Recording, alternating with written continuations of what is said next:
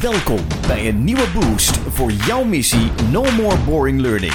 Dit is de Brain Bakery Podcast. Welkom bij de missie No More Boring Learning, een nieuwe aflevering van de podcast. En ik ben hier natuurlijk weer met Sjane. Ah, Jan-Peter. We zijn er weer. En, wel leuk, we hebben een podcast gemaakt, Ja. nummer 90, Ja. over self-talk. Mm. En eh, ik, vond dat, ik vond het zelf een hele boeiende. Ja. En blijkt veel luisteraars ook, want we kregen veel reacties. Ja. En die reacties gingen onder andere ook over eh, een fenomeen dat we toen even kort aanstipten, namelijk Ja. de cognitieve dissonantie. Ja. Daar kwamen we zomaar tijdens Ja. het praten eventjes op. Ja. En dat is, ik herken het zelf, het is een term die je volgens mij ook vrij veel hoort rondom nu het hele eh, corona gebeuren. Ja. Ik, ik zie hem veel dat mensen daarover roepen. Ja. Maar veel luisteraars zeiden ook, Maar wat is, het dat nou? nou? Ja. precies? Ja. En is dat dan niet waar ik wat als trainer mee moet? Want ik- Ja. ik hoor er eh, iets met klepels en klok en dat soort dingen. Ja. Ja. Dus we gaan hem uitleggen. We gaan gaan nou even goed diep induiken. Want ik denk dat die een hele grote vraag, die denk ik onderliggend aan onze hele podcast en misschien aan het hele L&D-vak wel is, eh, is hoe krijgen we toch mensen in beweging? Hoe Ja. krijgen we mensen in verandering? Want als je de essentie van ons vak bekijkt, dan gaat het over... Ga het nou eens even, net even anders Ja. doen dan dat je het hiervoor deed. Ja. Even net even anders denken dan je hiervoor deed. En heel vaak mislukt dat. En daar zijn we natuurlijk tegen aan het strijden, ook met deze podcast. Dus ik denk dat cognitieve dissonantie daar een interessant fenomeen voor is om dat te gaan snappen, wat het is en hoe het werkt. Want daar moeten we eigenlijk een soort doorheen breken, willen we mensen aan de gedragsverandering krijgen. Ah, dus dit is een enorme drempel Ja, waar wij als L&D'ers, wij moeten weten wat die drempel is. ja, En dus hoe we hem kunnen doorbreken, wat, Ja. je, net, eh, wat je net zegt. Dus daar gaan we induiken. In wat het is, de wetenschap eh, erachter. En eh, dus ook hoe kun je dat, nou ja, ja, verhelpen misschien niet, maar in ieder geval doorbreken. Dat Ja. is het, hè? ja. Ik, ik denk dat het begint bij bewustzijn dat ieder mens eh, dit verdedigingsmechanisme in zich heeft. En als tweede denk ik dat een aantal eh, podcasts al gemaakt hebben die hierover gaan. Ja. Eh, hoe je dat doorbreekt. Maar dat we ook nog wel even een paar leuke tips aan het eind kunnen geven. Kijk, Mm. laten we dat doen. Ja, Dus cognitieve dissonantie. ja. Een term uit de psychologie volgens Ja, mij. Je bent klopt. ook afgestudeerd psychologe. Laten we eens horen, wat is het precies? Ja. In de jaren 50, eh, precies te zijn in 1957, schreef Leon Vestinger hier een goed boek over. Eh, dus het is echt een oud en bekend fenomeen. Ja. En wat het eh, fenomeen is, is dat so- sociaal psychologen houden zich er heel erg mee bezig. Mensen hebben een sterke behoefte om zich vast te houden aan een stabiel en positief beeld van zichzelf. Dus mensen zij hebben de neiging om over zichzelf te denken: ik zie mezelf als een redelijk mens, als een moreel mens Mhm. en als een slim mens. Je hebt het Eh, over mij. Ja, Ja. nou, dat, En, en over mij. Ja, natuurlijk. apart. Ja. ja. Dus de neiging in ieder mens is om zichzelf te zien als redelijk, moreel en slim. Ja. Betekent niet dat we geen negatieve zelftalk kunnen hebben, hè? om even terug te refereren aan die. Maar betekent wel dat we geneigd zijn om als er dingen op ons afkomen of als we dingen over onszelf waarnemen, dat we die een soort even afzetten tegen ik ben redelijk, ik ben moreel en slim. ja. De meeste mensen blijken zichzelf namelijk in vergelijking met de rest van de bevolking iets aan de positieve kant te zetten, kant te zetten van het gemiddelde. In alles. Eh Hmm. 88% van de Amerikanen vindt bijvoorbeeld zichzelf beter autorijden dan het gemiddelde. Dat is apart, toch? Wiskundig onmogelijk. Ja. De meeste mensen hebben de neiging om zichzelf aantrekkelijker te vinden dan het gemiddelde.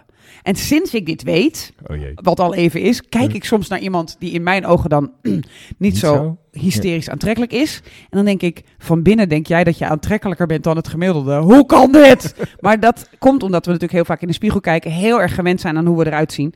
We zijn betere chauffeurs dan de rest, we zijn, we zijn aantrekkelijker dan de rest. En Ja, dat wou ik wel even. Ik ben wel een betere chauffeur. ja, ja. maar dat ben jij ook. Ehm, maar kijk maar even bijvoorbeeld naar het fenomeen 17 miljoen eh, bondscoaches. hè, Oh, het Nederlands elftal speelt. Eh, de mannen of de vrouwen, maakt niet uit. Maar we weten allemaal wat de betere opstelling zou zijn geweest. Wat hij had Ja, moeten doen. Die wissel. wissel, Ja. ja. En die wissel was ook te laat. Ja. Dus we denken over onszelf als redelijk moreel en slim. Hij heeft misschien ook wel een soort linkje met het Dunning-Kruger effect.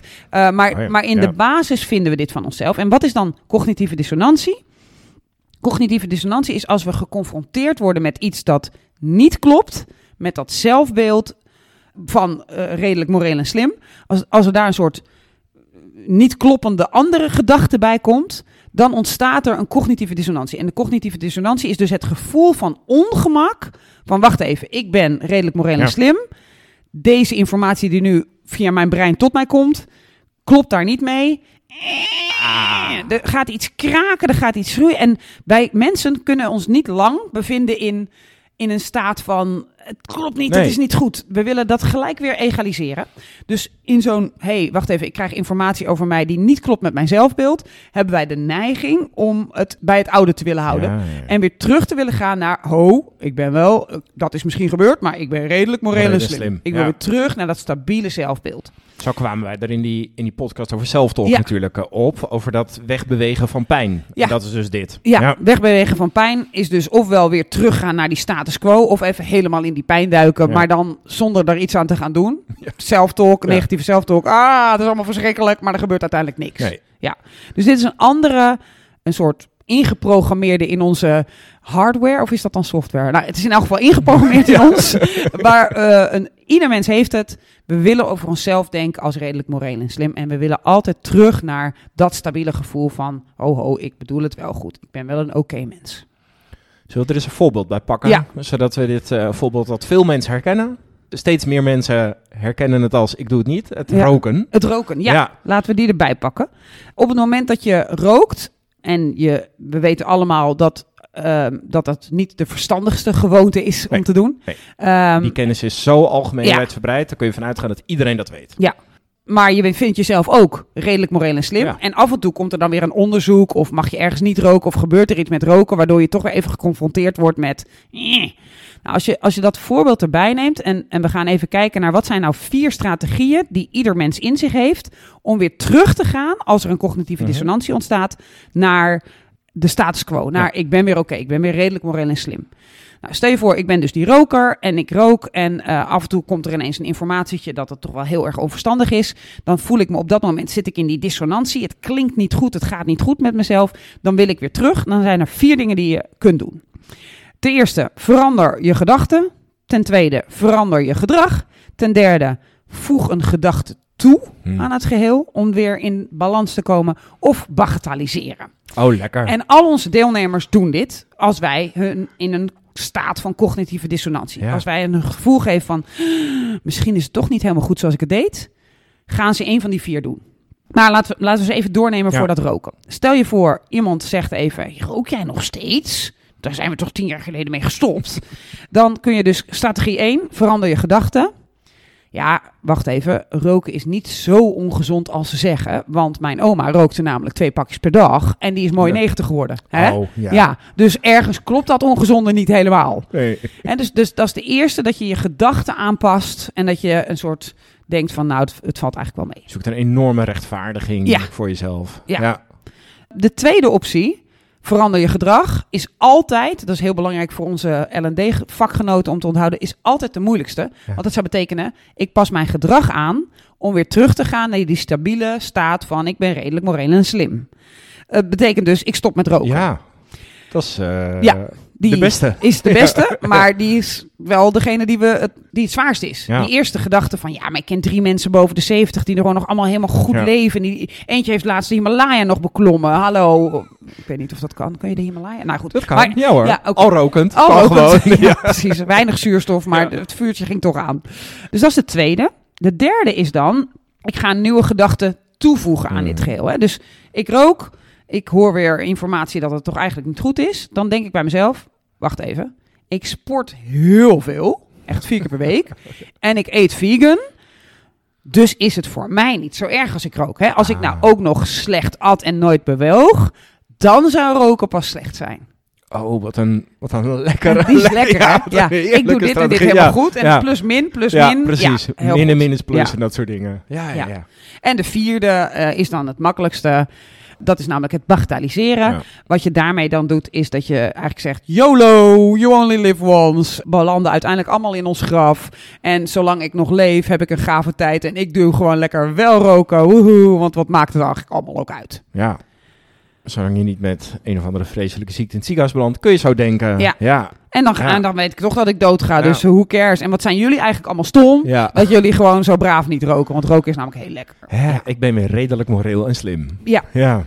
Ja, dus het concept cognitieve dissonantie is er is een dissonantie. En een dissonant, dat kennen we wel uit de muziek. Hè? Ja. Die noot die, Ja. die gaan niet samen. Dus er gebeurt iets in je van, ho, stop. En ons brein wil dan altijd die dissonantie fixen. Zo gauw mogelijk terug naar, we zijn weer oké. Ja. Oh, de muziek is weer goed. En veel muziekmakers maken daar ook gebruik van door een dissonant ergens in te stoppen. Waardoor je helemaal alert wordt op de muziek. En waardoor op het moment dat het dan weer goed komt, er eigenlijk een soort release komt van positief. Lekker, we zijn weer terug. Hè? Dus wat wij als trainers en opleiders de hele dag doen, is mensen vragen: doe het eens even anders. Ja, En daarmee komen we dus altijd aan: ho, ho, ik ben redelijk, moreel en slim. Stop. eigenlijk zijn we dus cognitieve dissonantie-creatoren. Ja, ja.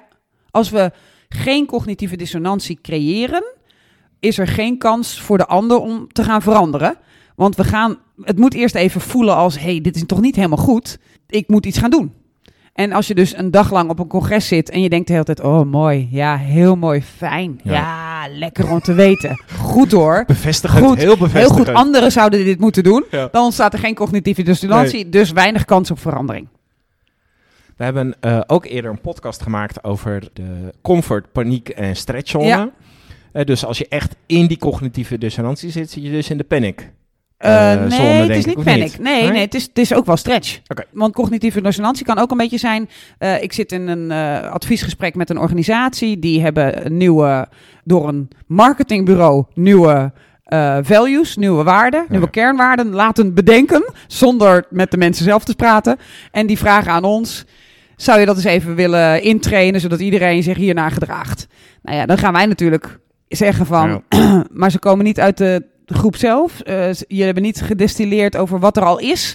eh, maar je hebt het laten bedenken door een fashionable bureau. Zou je dan niet gewoon wat posters ophangen aan de muur en doen alsof het zo is? Want dit lijkt me een hele kunstmatige situatie die jullie hebben gecreëerd. Oeps. Dan ontstaat er bij hun een cognitieve dissonantie. Waarin zij waarschijnlijk kiezen voor verander je gedachten.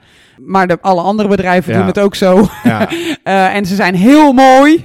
en weten zeker dat iedereen, met name onze klanten, er enthousiast van worden. Waardoor ze niet willen gaan luisteren naar dat wij dat niet zouden willen. Dus ja, eh, ja ik Ja, denk dat dus zowel de stretchzone stretch. als de paniekzone daarin zitten. Ja. ja, dus wij doen eigenlijk ons werk goed. Is een teken dat wij ons werk goed doen. Als er dus een soort cognitieve dissonantie, Ja. niet een soort, maar als er cognitieve Ja, dissonantie als iemand even denkt van, ik, ik, ben dus redelijk moreel en slim, dat mogen ze nog steeds denken, maar datgene wat ik nu aan het doen was, kan dus slimmer. Het was dus niet zo heel slim. Je wilt even dat, ja, dat, dat onheimische gevoel van, hé, hey, wacht even, oh, dit is toch niet helemaal goed wat ik doe. Dat, dat moet je creëren, want Ja. daar vandaan komt de wil om te veranderen. Die zijn aan elkaar gerelateerd. Dit heb je dus natuurlijk in de groep hè, met je Ja. deelnemers, bij leeractiviteiten. Maar dat heb je ook inderdaad, wat je net al zei, bij gesprekken met klanten. Ja, Adviesgesprekken, intakegesprekken. eh, soms he- eigenlijk heel onschuldig dat je vragen stelt. Denken mensen gelijk... Eh, hier, hier heb ik dan niet zo goed antwoord op, hè, vanuit, vanuit de klant eh, gezien. Dus dan, ga ik, ja, dan gaan ze inderdaad een van deze strategieën Ja. Toepassen. Ja, dus het is heel lekker, denk ik, voor iedere trainer en opleider, voor ieder gesprek dat je hebt over veranderen, dat je weet dat die vier strategieën er zijn Ja. en dat je kunt herkennen welke ze gaan doen. En dat je, als er een strategie aan het gebeuren is, ben je dus succesvol geweest in het creëren van die dissonantie. Ja. En die kan leiden tot veranderen, maar we willen eigenlijk alleen dat mensen kiezen voor optie 2. Ja. Ik verander mijn gedrag. zeggen, En dan is- moet je dus ja. van goede huizen komen. Ja, en die goede huizen, daar moeten we maar eens even induiken. Ja. Want daar zijn heel veel middelen en Ja. wetenschap voor. En eigenlijk is de korte, de korte samenvatting is... heel veel van onze podcast Ja. dragen natuurlijk bij aan... dat je richting die tweede strategie gaat. Ja. En want we hebben bijvoorbeeld al meerdere keren de term... ik noem maar wat, burning platform genoemd. Die zorgt er natuurlijk voor dat mensen denken... ah, het is dus slim of nodig dat ik het anders ga doen. We gaan dus naar strategie Ja. 2. En volgens mij is het lekker om nu niet, eh, want het, volgens mij krijgen mensen dan een cognitieve dissonantie te zeggen: luister al onze Nee, podcast, nee. lees, lees alle psychologische boeken, koop al de trainer trainer Dat is boeken. een beetje veel. dat is een beetje veel, maar Ja. volgens mij kunnen we er wel eentje uithalen die we recent ook al kort hebben aangestipt eh, in Think Again. Ja. In, in, de Podcast plek, nummer 82. Ja. in de plek waarvan je praat. Kun jij, kun jij ons daar even in meenemen? Ja, er zijn vier plekken vanuit waar je kunt spreken. Drie eh, plekken zorgen voor cognitieve dissonantie bij een ander. Gaan dan die drie niet goede strategieën veroorzaken. En dat betekent dat je met een ander kunt praten vanuit de plek. Ik ben de aanklager. Ja, En dat betekent dat je dus het, het gedrag of hoe de ander zich beweegt door het leven, dat je die gaat aanklagen, dat je die echt gaat Ja, je aanvallen. kan het niet maken om te roken. Het Ja. is echt heel slecht Ja. wat jij doet. Dan ben je de aanklager. En dan krijg je sowieso de cognitieve dissonantie, maar bijna zeker geen, geen nummer twee. Nee. Geen ik verander mijn Nee, gedrag. zeker heel goed. niet. Nee. Ja. Je hebt ook de dominee. Ja. En de dominee ga je vooral je eigen standpunt heel fel eh ja, Prediken. prediken. Ja. Inderdaad. Ja. Ja.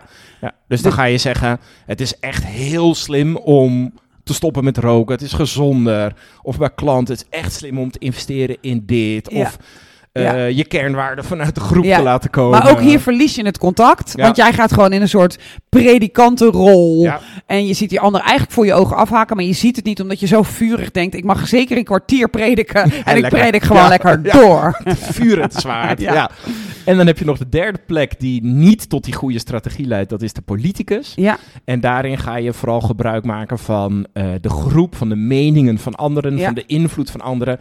Dus je gaat zeggen, iedereen doet dit zo, of niemand pakt het aan zoals jij het doet. ja. Eh, dus je gaat het via de anderen, ga je degene met wie je praat beïnvloeden. Ja. En dat zorgt vaak ook voor een gevoel dat je bij de ander, dus dat je aangevallen wordt. ja, En dan ga je dus bijvoorbeeld bagatelliseren Ja. of een gedachte toevoegen, ja. eh, maar vaak niet je gedrag veranderen. Nee. Dus ze zorgen allemaal wat we willen voor een cognitieve Ja. dissonantie. Alleen omdat ze die strategie hebben waarbij je je aangevallen en niet fijn voelt, ga je waarschijnlijk niet kiezen voor nummer twee. Nee. Oké, oké, nu, nu je zo gepredikt heeft Ja. tegen mij, ja, nu ben ik er klaar mee, maar nu, nu snap ik het echt. Ik heb het licht gezien. Ik ga stoppen met Ja. roken of ik ga mijn gedrag aanpassen. Ja, Nee, en dan hebben we de plek natuurlijk die waarschijnlijk, Ja. hè, het leven hebben we op dit gebied niet altijd garanties, die maar waarschijnlijk leidt tot gedragsverandering.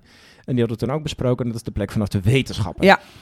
En de plek vanaf de wetenschapper ben je zelf heel onderzoekend, ja zonder te oordelen. Je bent Ja. heel nieuwsgierig, heel onderzoekend. Je stelt ook echt van die mooie, neutrale, onderzoekende vragen over, oké, eh, vertel me eens even, hoe is dit zo gekomen of hoe pak je dit aan? Ja, waardoor je de ander ten eerste veel beter leert begrijpen, waardoor je eigenlijk de ander stuurt dat de ander zichzelf beter leert begrijpen. Ja. En hoe die tot dingen komt in het leven. Ja. En dan creëer je volgens mij ook cognitieve Ja, dissonantie, absoluut. maar veel geleidelijker en subtieler. Kun je mensen meenemen in hun eigen gedachtegang en Ja. kun je ze begeleiden naar, hmm, als ik iets anders doe, Ja. ben ik ook een moreel, Ja. slim en eh, goed mens. Ja, ja ik denk dat, dat je nu één ding bijna weglaat. Hè? Want wat die volgens Think Again, dat boek eh, van Adam Grant, wat die onderzoeker ook doet, is niet alleen onderzoeken wat is er allemaal met jou aan de hand, maar die is ook bereid daar wetenschappelijke inzichten naast te plaatsen. Ja. Maar niet trouwens predikend, ik heb hier de wetenschappelijke inzichten, maar van oké, ik wil eerst jou begrijpen, oké, ik hoor dat wat jij zegt en ik snap jouw redenatie ook, wat goed. En als je zo denkt, dan snap ik ook dat, jij handelt. Ja. dat jij dus dit doet. Ja. Wat ik vanuit mijn vak weet, is dit en dit en dit. Hoe zou je dat met elkaar rijmen? Ja. En dan krijg Ja, je een heel ander gesprek. Ja. En dan, dan wordt er niet gepolariseerd, waardoor er geen mogelijkheid meer is. Ja. Ja. En de cognitieve dis- dissonantie ontstaat nog steeds. Eh, dus, maar die cognitieve dansie, voor onze luisteraars, is dus goed. Ja, die willen we. ja, Ja. je wilt hem leiden naar die tweede strategie. Ja. Ik ga mijn gedrag aanpassen. Precies, precies. En daarmee heb je daar meer kans op. Ja, dus samenvattend, we zijn cognitieve dissonantie aanboorders, Ja. wat best wel vals en sadomasochistisch is, maar wel om iets moois te bereiken. Maar we moeten het wel slim doen door te snappen dat er drie strategieën zijn die we niet willen aanzetten om om te gaan met dat gevoel, dat onheimische gevoel van misschien heb ik het dan allemaal niet zo goed voor elkaar. Misschien ben ik toch niet helemaal redelijk moreel en slim hier geweest. Ik wil uit dit gevoel en dan moeten wij dus iets doen waardoor ze liefst het juiste pad op gaan. Ja, Ja. ja. Maar jij bent wel echt heel redelijk moreel en slim. Ja, jij Ja, ook. bo- maar boven Ja. gemiddeld ook. Ja, ja. Ja. joh. Ja. Anders maak je ook niet zulke goede podcast, man. Weet je. Van alle mensen in deze gewoon, ruimte zijn wij boven Ja. gemiddeld. eh, zitten er maar twee, maar dat hoeft niemand verder te weten. Iedereen dank voor het luisteren. En natuurlijk heel graag tot een volgend onderdeel van de missie No More Boring Learning. Woehoe! No more boring learning. Dit was de Brain Bakery podcast. Wil je meer weten? Kijk dan op brainbakery.com of volg ons op onze socials.